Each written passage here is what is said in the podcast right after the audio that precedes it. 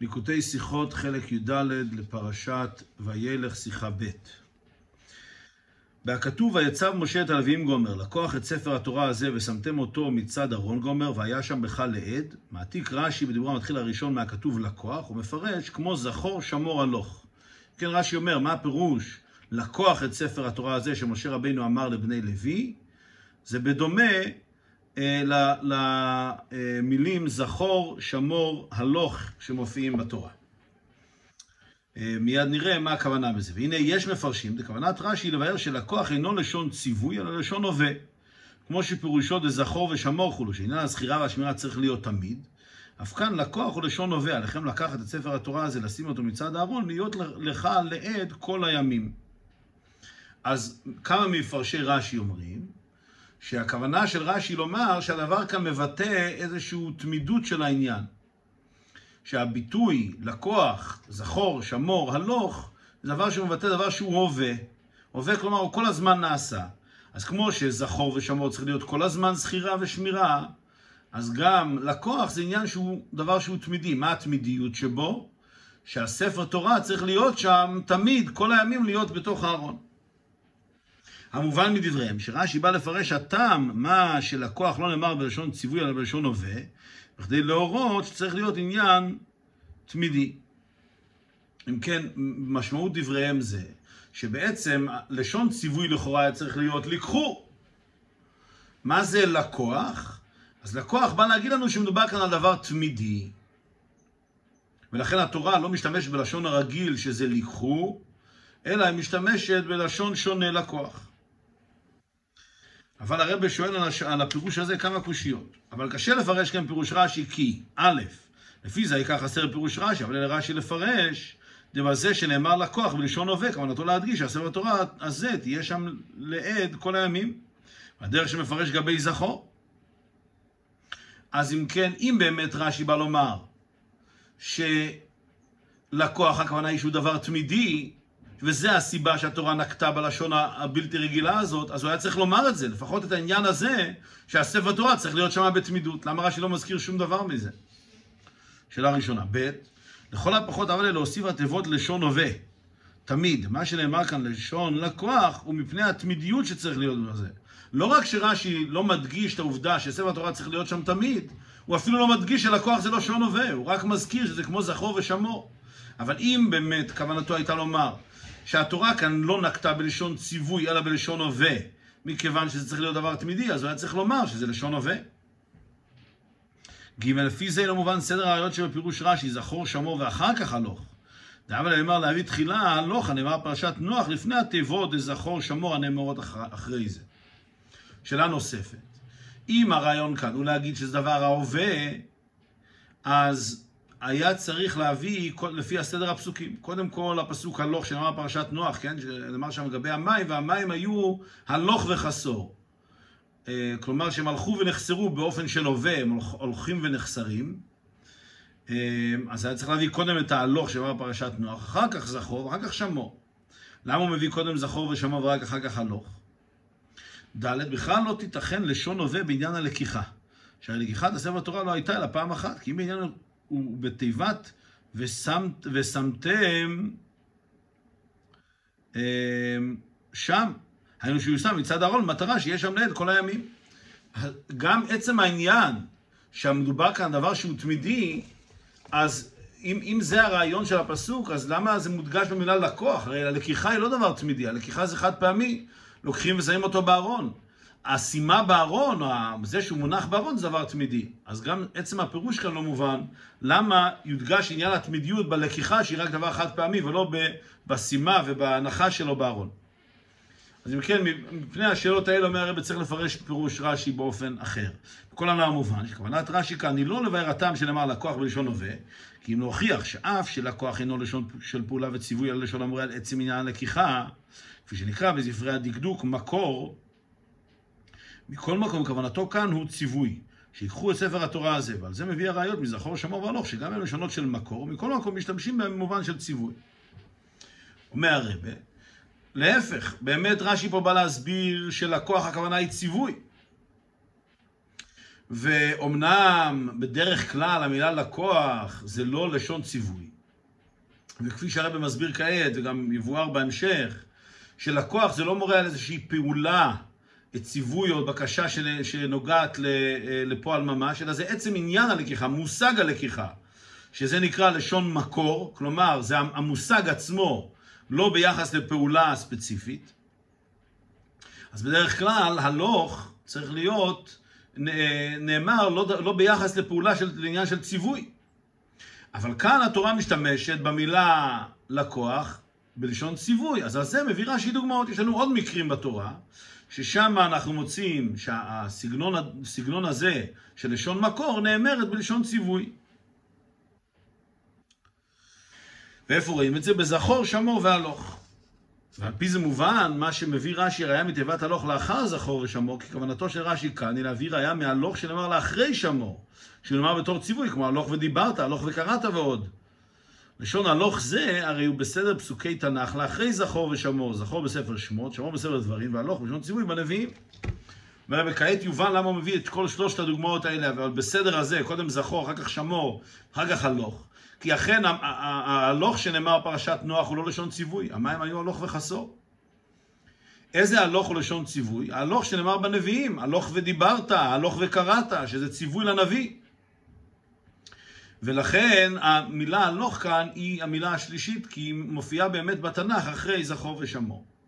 אז אם כן, לפי הפירוש הזה אנחנו אומרים, שלהפך, רש"י בא לומר לנו שהמילה לקוח אה, היא לשון ציווי, לצוות את בני לוי לקחת את ספר התורה. למה זה כתוב בסגנון כזה לא רגיל? אז רש"י מביא שלוש דוגמאות שרואים שהתורה משתמשת בסגנון דומה בלשון ציווי. אבל גם על זה שואל הרב כמה שאלות. אבל עדיין צריך להבין, למה, א', למה צריך רש"י להביא ג' ראיות זכור שמור הלוך, שגם ציווי אפשר שיבוא בלשון של מקור ולא מסתפק באחת או שתיים מהראיות? למה צריך את כל שלושת הראיות? זו שאלה ראשונה. ב', כיוון שזכור ושמור כבר נאמרו בתורה שלפני זה כמה פעמים בעניין של ציווי, אבל לרש"י להקדים ולפרש שם, כי אף שם לשון של מקור, הכוונה בהם היא ציווי. ואם הם פסוקים אלו, הרי זה דבר פשוט שכוונתם ציווי, אף שנאמרו בלשון של מקור, ועד שנראה שצריך לפרשו. למה הוא צריך רש"י לפרשו בכתוב דילן? שאלה נוספת שואל הרב, אם באמת מה שרש"י בא לומר כאן זה לפרש שגם לשון מקור מופיעה בתורה באופן של ציווי, בכוונה של ציווי, אז רש"י היה צריך לפרש את זה במילה זכור ושמור. שם זה גם כן לשון מקור שהכוונה שלה היא ציווי. למה רש"י ממתין עד כאן לפרש את זה? אז אם כן, גם לפי הפירוש הזה, עדיין נשארו כמה קושיות, והביאור בזה. משמעותה של לשון מקור שוללת עניין הפעולה, כמו לשון לקוח שמובנה הוא לקיחה, כמו שהיא מופשטת מפעולת הלקיחה. והריחוק שבין לשון מקור ללשון פעולה הוא יותר מהריחוק שבין עבר, הווה ועתיד בלשון פעולה. כי כל ג' הלשונות מתייחסות לגוף הפעולה ופעולה בפועל. ההפרש ביניהם הוא רק בזמן הפעולה, אם שהייתה כבר הפעולה, שכבר הייתה הפעולה, שנפעל בהווה, או שהפעולה עתידה להיות. מה שאין כן מקור, שהוא מתאר את הנושא של הדבר מושלל מפעולה בפועל. דבר ראשון אומר הרי בכל המושג הזה של לשון מקור, אמ, הוא באמת, אמ, הוא באמת לא אה, אה, לא מבטא את עניין הפעולה בכלל. וההבדל, ההפרש, בין הלשון כזה שמבטא את, פעולה, את, את uh, המושג הלקיחה, לא ביחס לפעולה מסוימת, מושג של לקיחה, שזה הכוונה לשון מקור. ההפרש בין המושג הלקיחה לבין פעולת הלקיחה הוא הפרש גדול יותר בין האופנים השונים של פעולת הלקיחה. אם נאמר, אה, לקוח בלשון עבר, הווה ולעתיד, לקח או לוקח או ייקח, אז שלושתם הם, הם לפחות מדברים על הפעולה עצמה, ולכן הקשר ביניהם הוא קרוב יותר מאשר הקשר בין פעולת הלקיחה לבין המושג של הלקיחה בלשון לקוח. במילים אחרות, הלקוח בלשון מקור היא בעצם אמ, מופשטת, והיא בעצם הדבר האחרון שאנחנו אמורים לפרש אותו בתור ציווי. אילו זה היה נאמר בלשון עבר, היה אפשר עדיין להגיד שזה לשון ציווי, זה רק נאמר בלשון עבר. אבל פה שזה נאמר בלשון, אה, בלשון של מקור, בלשון של לקוח, אפילו לא מדברים על פעולת הלקיחה, אז זה הכי רחוק מפעולת הרחיקה, הלקיחה. ולכן בפשוטו של מקרא, מקום שנאמר בכתוב לשון מקור, הרי כל, מה ש... כל כמה שאפשר תכין לפרשה כמשמעותה, ולא בלשון ציווי. כי הרי תוכנו של ציווי הוא שהדבר מחויב ומוכרח הוא לבוא לידי פועל. לכן בדרך כלל כשהתורה משתמשת בלשון כזה, בלשון דומה שהיא לא בלשון ציווי אלא בלשון מקור, אנחנו מעדיפים להגיד שבעצם מדבר על המושג בעצמו, זה לא מדבר על פעולה ספציפית. מכיוון שכפי שהוסבר, לשון המקור היא שונה ומרוחקת מעניין הפעולה. והנה בתיבות זכור ושמור של פרשות הקודמות, אם היותם לשון מקור, אולם מכיוון שאי אפשר לפרשן שאינם לשון ציווי. כמובן הוא מפורש בהמשך הכתובים, על כן אין צורך שרש"י ישמענו זה שם בפירושו, מאחר שהוא מובן מאליו. לפי זה אומר הרבה. אכן, במילים זכור ושמור, שם אין בכלל שאלה. מכיוון ששם ברור שמדובר על ציווי. ולכן, היות וכל מקום שנאמר זכור, אה, שברור שהכוונה היא שבני ישראל מצווים לזכור, רק שלא צריך לפרש שהכוונה כאן היא לשון, אה, היא לשון ציווי. מה שאין כן בכתוב שלפנינו היה מקום לפרש תיבת לקוח הרי כמשמעותה ואינה עניין של ציווי. והכתוב לקוח את ספר גומר ושמתם אותו גומר, אפשר לפרש כאשר תהיה לקיחת הספר, אז הציווי ושמתם גומר.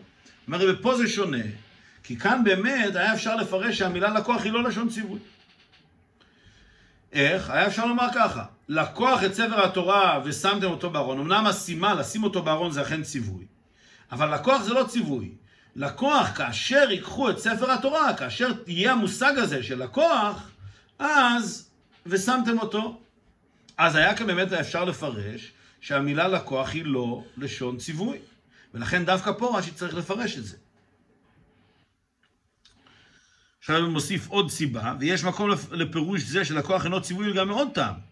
לעיל בפרשת כתבו כתב רש"י שבני ישראל טענו לפני משה מדוע השליט את בני לוי על התורה על ידי שנתן להם את ספר, ספר תורה. ולשלול טענה זו, על כל פעמים להחליש את הטענה, הרי זה על ידי הפירוש, ויצב משה לא כהלקוח כי אם ושמתם, כי לא רצה להשליט את בני לוי כולו, כי אם באם וכאשר יהיה הלקוח, אלא כאשר, או לאחרי שיסבירו לבני ישראל שאין מקום לחשש, ובאמת לא תהיה טענה וערעור, אז היה ציווי ושמתם אותו מצד ארון ברית השם וגומר. אומר הרי באמת יש סברה חזקה לומר שלקוח כאן זה באמת לא יהיה לשון ציווי. כי כבר למדנו שבני ישראל בעצם התלוננו, בני לוי חששו שבני ישראל התלוננו, ש... אה, שמשה רבינו נותן דווקא להם את ספר התורה והוא משליט אותם על התורה. ולכן היה מקום באמת לומר, לקוח את ספר התורה כאשר יהיה את עניין הלקיחה. כלומר, כאשר תסתדרו ויתיישבו העניינים עם בני ישראל, ולא יהיה בעיות, ויהיה אפשר לקחת את הספר, אז שמתם אותו בארון. אה, ולכן היה באמת אפשר לומר שלא מדובר כאן על ציווי גמור שצריך לקיים אותו כעת, אלא אה, כאשר זה, הדבר הזה יקרה. אלא שלפי זה, אם אנחנו באמת נפרש שלקוח זה לא לשון ציווי, אלא זה לשון מקור, זה לשון המושג של הלקיחה, כאשר תהיה הלקיחה, אז היה אפשר לשאול אם כן, איפה יהיה אהרון מונח עד עכשיו? אומר בזה בכלל לא שאלה. ואין מקום לשאלה, והיה מקום בספר התורה באם לא יתקיים הלקוח. כי הרי כבר פירש רש"י הטענה, ושבכל זאת נתן משה הספר תורה לבני לוי, ועל כוחה צריך לומר לפירוש רש"י זה, שהסבירה משה שאין מקום לחשש, ואם כן בטוח הוא שסוף סוף יהיה לקוח. אז דבר ראשון, אין חשש שבכלל לא יהיה, לא יהיה את פעולת הלקיחה שבני לוי יקבלו, מכיוון שרש"י, למרות שבני לוי טענו אה, למשה רבינו, שהם לא רוצים שבני ישראל יאמרו שהם משליטים, שמשה רבינו משליט את בני לוי על התורה. למרות זאת, אומר רש"י שמשה רבינו נתן להם את הספר תורה, כלומר הוא פתר את הבעיה הזאת, הוא הסביר להם שזה לא יהיה בעיה עם בני ישראל. אז מילא מובן שאפילו אם זה לא יהיה ברגע זה, אבל באיזשהו שלב יהיה את הלקיחה, בני לוי כן יוכלו לקחת את הספר תורה ולשים אותם בארון, ולשים אותה בארון. ולאידך גיסא גם לפרש של הכוח ציווי, מקום לשאלה, אלא שהשאלה תהיה למה בא הציווי בלשון מקור. כן, נוסף לזה, אה, גם, גם, ב, גם לפי האופן שנלמד שזה לשון ציווי. בוא נאמר, נאמר שמכיוון שאיפה יהיה ספר התורה, צריך לומר שמשה רבינו אמר להם מיד, לקוח ציווה להם לקחת את ספר התורה. גם זה לא לגמרי חלק, מכיוון שאז נשאלת השאלה הפשוטה, למה זה לא נאמר בלשון ציווי ונאמר בלשון מקור.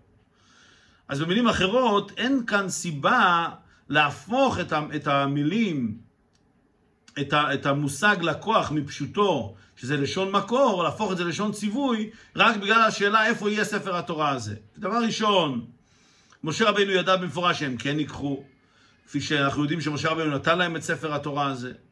אז ממילא לא היה לו חשש שלא יהיה לקוח. ונוסף לזה, גם אם נפרש את זה לשון ציווי, עדיין זה לא לגמרי יבאר את, את פירוש הפסוק. ועוד ועיקר, הנ"ל מעיקר לא קשה, ואם לא ייקחו הספר תורה, פשוט שישאר במקום שהיה עד עתה, שלא נתפרש בכתוב קרוב ל-40 שנה. שהרי טרם ליציאת מצרים נאמר, כתוב זאת זיכרון בספר, ויכתוב משה את כל דברי השם. אומר רבי דבר נוסף, צריך לזכור שהספר תורה הזה כבר היה קיים בתחילת 40 שנה, והראיה שהתורה אומרת, כתוב זאת זיכרון בספר. אמנם יש דיון בתורה, בגמרא, בדיוק איזה חלק היה כבר כתוב ואיזה חלק לא היה כתוב, אבל זה לא רלוונטי. ברור שהיה ספר כבר לפני כן, היה ספר תורה לפני כן. כמו שכתוב לפני בספר שמות, ויכתוב משה את כל דברי השם. אז ברור שהיה מקום מסוים שבו היה ספר התורה הזה. ולכן אין שום מקום לשאול, אה, אם נאמר שלקוח זה לא ציווי, אז איפה יהיה ספר התורה? יהיה איפה שהיה כל הזמן. על לסיכום מה שאני מוסיף כאן, זה שהיה לנו סברה הגיונית לומר שלקוח זה לא לשון ציווי, אלא זה באמת מושג הלקיחה. והפסוק אומר, כאשר ייקחו את ספר התורה, אז יש ציווי לשים אותו בארון. והיה לנו סיבה טובה לומר כך גם בגלל שהיה איזושהי בעיה עם הלקיחה הזאת של בני לוי, ולכן מסתבר לומר שמשה רבינו לא ציווה אותם בצורה מיידית לעשות את זה. ומה לגבי המקומות של ספר התורה? אז הוא יהיה איפה שהוא היה כל הזמן. ולכן מובן מה שהוצרך רש"י לפרש תיבת לקוח כוונתה לציווי ולהביא ראיות לפירושו שמציל ציווי בא בלשון מקור. לכן אומר רש"י, לא, שהוא מעדיף לבחור, בכל זאת לומר שלקוח זה לשון ציווי. כפי שאנחנו מצינו שהתורה כן משתמשת ב, בלשון הזאת של אה, מקור בתור ציווי, אה, ולכן רש"י בוחר ללמוד כך. אז מה, מה באמת מוכיחים מהפסוקים האלה? והוא צריך רש"י להביא ראיות מג' לשונות ולא די באחת מהם. לכן רש"י הביא את כל שלושת הדוגמאות, כי כל אחת מהן אה, מוסיפה עוד חלק בראייה שאפשר להשתמש בלשון ציווי. זאת אומרת שגם לשון מקור, גם לשון כזה של הלוך, זכור, שמור, לקוח, זה גם יכול לבוא בתור לשון ציווי. כל אחד מהם יש לו מעלה מסוימת.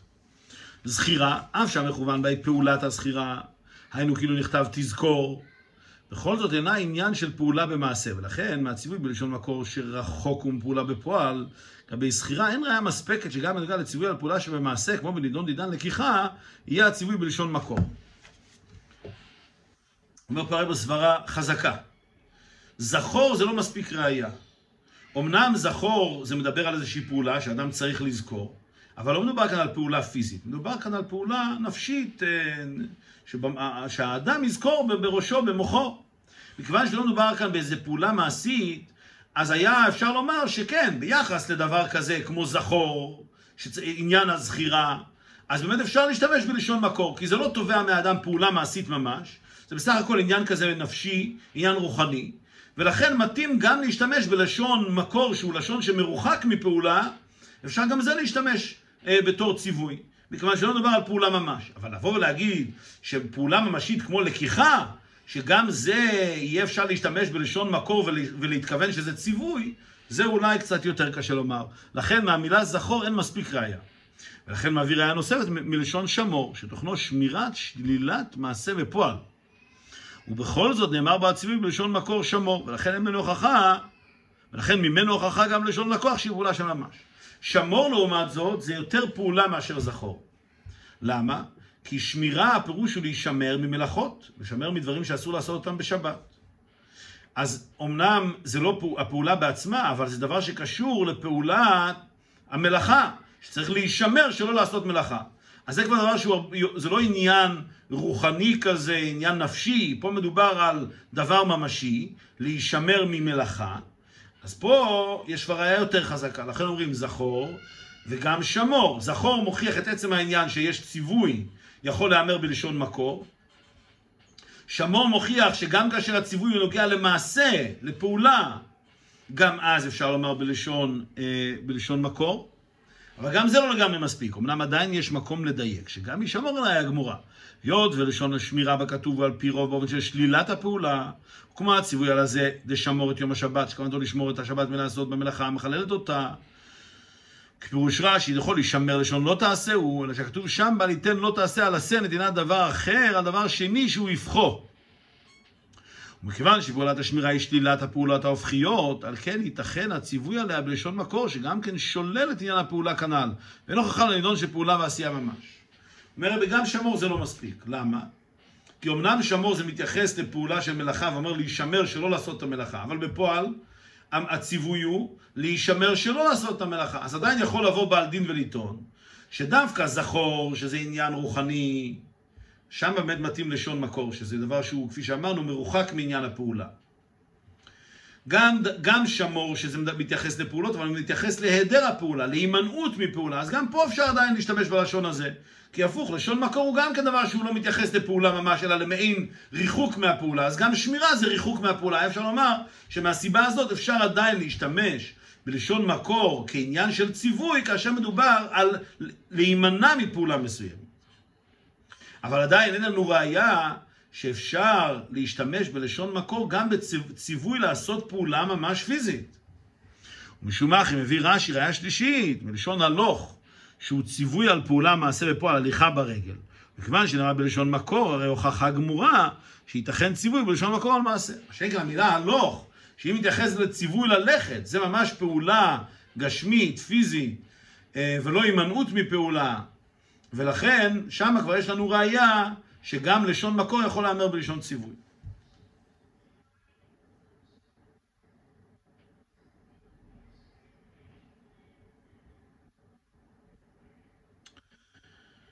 כן, צריך פה להשלים את מה שהרבא ציין מקודם, מה שהרבא ציין מדברי רש"י, שכל יישמר לשון לא תעשה הוא, אלא שהכתוב שם בא ליתן לא תעשה על עשה ותנא דבר אחר, הדבר שני שהוא יבחור. מה שהרבא בא לומר כאן, זה שרש"י בעצמו פירש שישמר זה עניין של הימנעות מפעולה.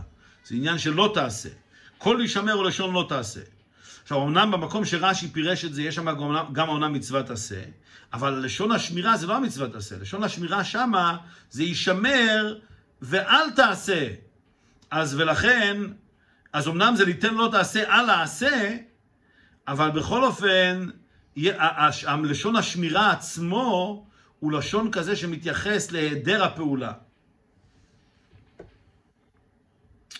אמ, אז בכל אופן, מזה אנחנו רואים את החיסרון בעניין של שמור. אז שוב פעם, החיסרון בזכור זה שזה לא מתייחס לפעולה גשמית, החיסרון בשמור זה שמתייחס להימנעות מפעולה ולא לפעולה בעצמה, והלוך הוא מתייחס לפעולה ממש. אז למה אי אפשר רק לומר את הפסוק הלוך, שזה מתייחס לפעולה ממשית? אז אומר הרבר, אולם מאידך, גם מהלוך לחוד אין ראיה מספיקה. מפני שתיבת הלוך בפסוקים הנזכרים לעיל נאמרה בתור הכנה להציווי ודיברת וקראת. ולכן יש לומר שכוונתה לא להליכה כפשוטה, כי אם הליכה נפשית, היינו שאדם הולך ומכין עצמו לעשות פעולה, לדבר, לקרוא חו"ל. גם מהמילה הלוך בעצמה לא היה אפשר להוכיח חד משמעית, מכיוון שאת המילה הלוך היה אפשר לפרש גם כן, שמדובר פה על איזושהי הליכה, לא הליכה פיזית ממש, אלא ללכת לקראת בצורה נפשית, להתכונן, וללכת לקראת הפעולה שהאדם מצווה. לדוגמה, הקדוש ברוך הוא אומר לנביא לומר משהו, אז אומר לו, הלוך ודיברת, או הלוך וקראת, הכוונה היא תתכונן לזה ואז תקרא. ולכן גם משם אין ראייה ממש על פעולה פיזית ממש. ובנוגע להלוך וקראת באוזני ירושלים, הרי אדרבה, מסתבר יותר לפרש עניין ההליכה בנפש. ואין זה דומה להלוך ודיברת על דוד שנצטווה גד הנביא.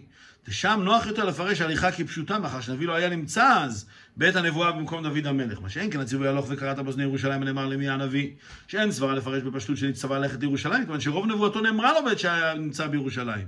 אבל כן, יותר נכון לפרש הליכה בנפש ובמחשבה.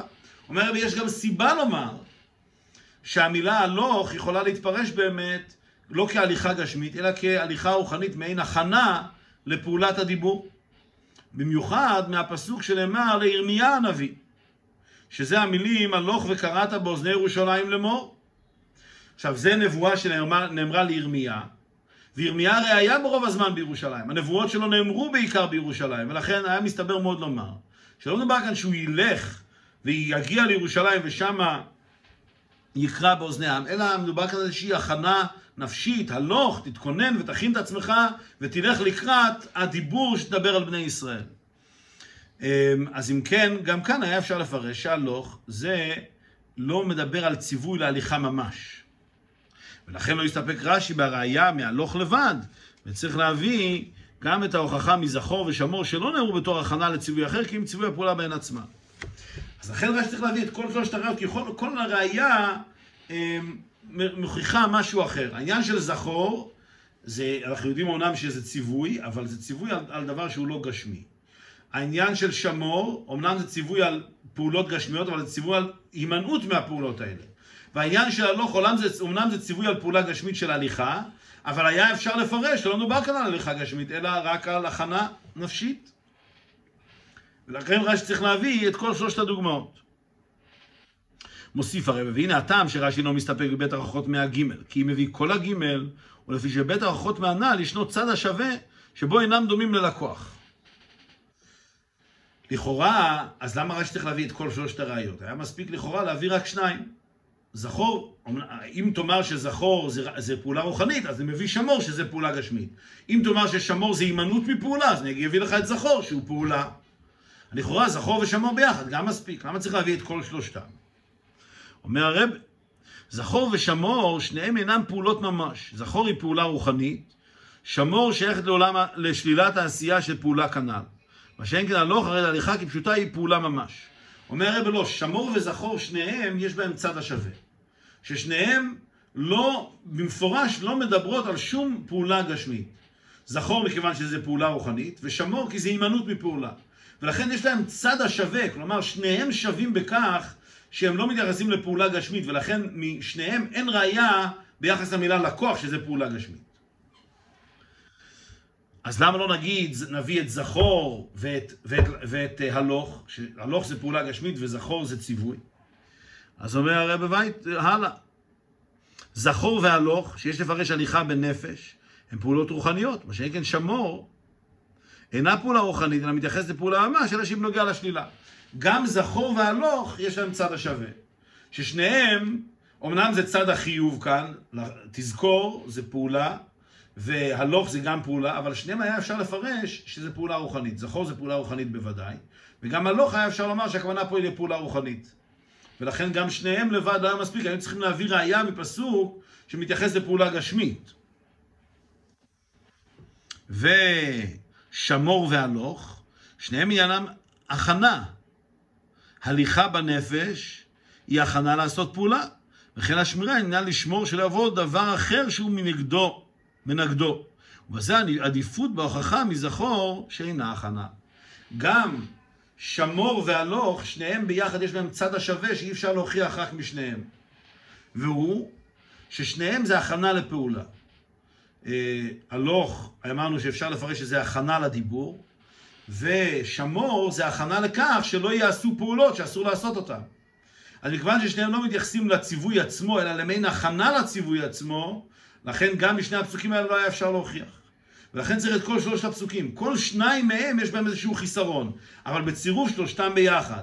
זכור שמתייחס לציווי של פעולה, אומנם לא פעולה גשמית אבל פעולה, ושמור שמתייחס לפעולה גשמית, להישמר מפעולה גשמית. ו... אבל הימנעות ממנה. והלוך, שאנחנו מפרשים אותה כציווי לעשות פעולה גשמית, כל שלושתם ביחד באמת מספיקים להוכיח שגם ביחס לפעולה גשמית נאמר המושג של אה, לשון מקור בתור ציווי. אז בזה תרצו השאלות ששאלנו על, על הביאור של הרבה. הרבה ביאר שלא כהמפרשים האחרים, שרש"י בא לומר, הם פירשו שרש"י בא לומר שזה לשון הווה. אז הרבה פירש לא, רש"י לא בא לומר שזה לשון הווה, אלא בא לומר שזה לשון ציווי. אז שאלנו למה צריכים להביא את כל שלושת הראיות? הסיבה היא מכיוון שרק בצירוף שלושתם ביחד יש לנו ראייה מספיק חזקה, שגם ביחס לפעולה גשמית אפשר לומר ציווי בלשון אה, מקור. ולמה רש"י משנה את סדר הפסוקים ולא מביא את, הפס, את הפסוק הלוך קודם? אז פירשנו מכיוון שרש"י לא מתייחס לפסוק הלוך, למילים, למילה הלוך שנאמרה בפרשת נוח, אלא למילה הלוך שנאמרה בנביאים. ולמה רש"י לא מפרש שמה? למה רש"י לא מפרש כשנאמר זכור ושמור? אז התשובה היא, מכיוון ששם זה פשוט שזה ציווי, אז שם לא צריך לפרש. רק פה, שהיה לנו מקום, היה סיבה לומר שזה לא לשון ציווי, אלא זה לשון מקור באמת כפשוטו, שכאשר תיקחו את ספר התורה, אז תשימו אותו בארון, רק פה נחוץ לו לרש"י לפרש. אז בזה תורצו כל השאלות הנ"ל. הוסיף הרב כעת מעינה של תורה בפירוש רש"י זה. וגם הלימוד להזמן עשרת ימי תשובה, שבכמה וכמה שנים קוראים פרשת וילך פרשת תשובה, בשבת תשובה. אז מה ההוראה בעינה של תורה ומה הקשר שבת תשובה? דובר כמה פעמים שכאשר ציווי על פעולה נאמר בלשון מקור, הרי זה מורה שהפעולה צריכה להיעשות לא רק בכוח העשייה של האדם, כי אם גם בכוח המקור שבנפש. אנו מצד רצון ומקור הכוחות שלמעל, שבנפש שלמעלה מכוחות האדם. כאשר אנחנו אומרים אה, אה, ציווי בלשון מקור, הכוונה היא לומר שהפעולה הזאת לא יכולה לעשות רק על ידי כוח הפעולה שבנפש, כי אז זה היה נאמר בלשון ציווי על פעולה. זה שנאמר בלשון מקור, הכוונה היא שהפעולה צריכה לעשות עם הנפש בתוכה, כלומר עם המקור של הפעולה. לכן זה לא נאמר תעשה כך וכך, אלא זה נאמר הלוך, הלוך או לקוח, הכוונה היא שאדם בכל עצמותו, הוא הופך להיות המהלך, האדם שעושה את הפעולה.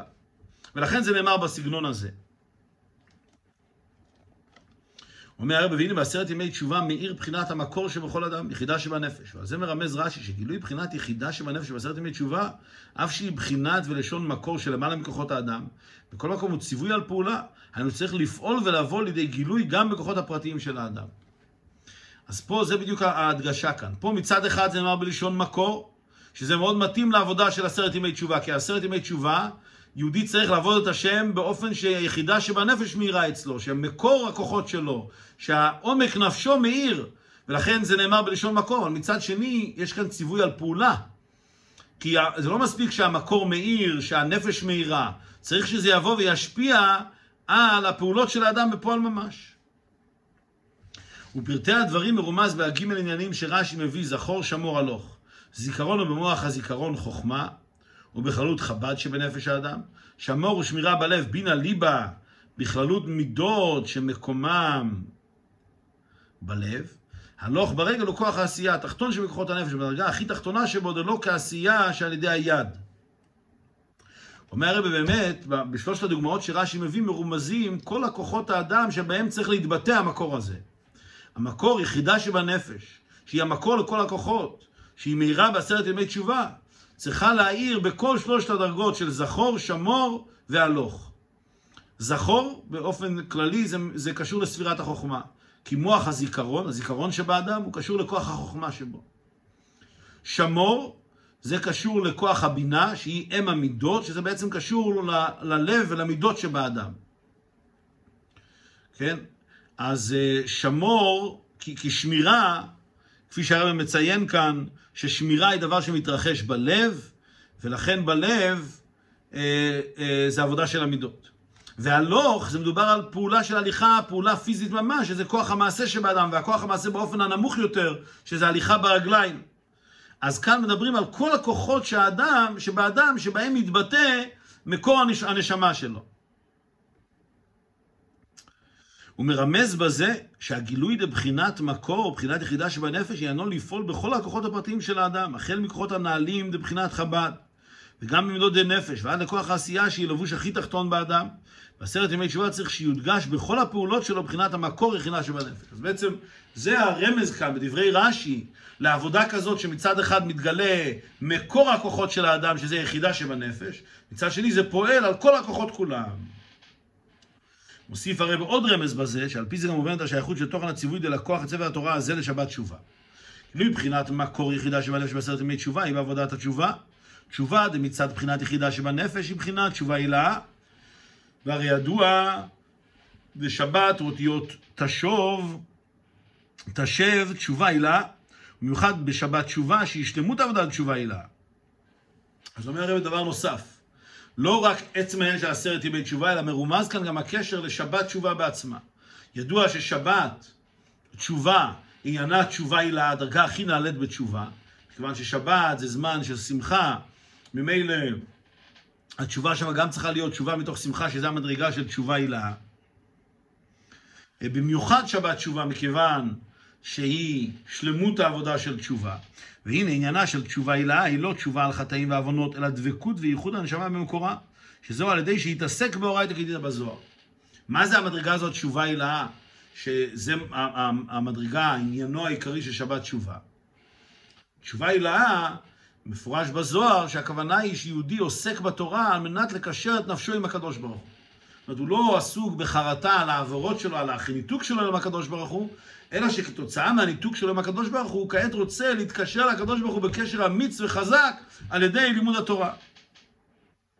ולכן הרמז על ידי גילוי בחינת יחידה של הפרשתנו בתיבת לקוח בלשון מקור את ספר התורה הזה ושמתם אותו מצד ארון ברית השם שהוא תכלית ושלמות המעלה דתורה התורה כפי. כמו שהיא בארון שבעבודת האדם הוא תכלית השלמות והמעלה דתשובה הילה שעל ידי לימוד התורה.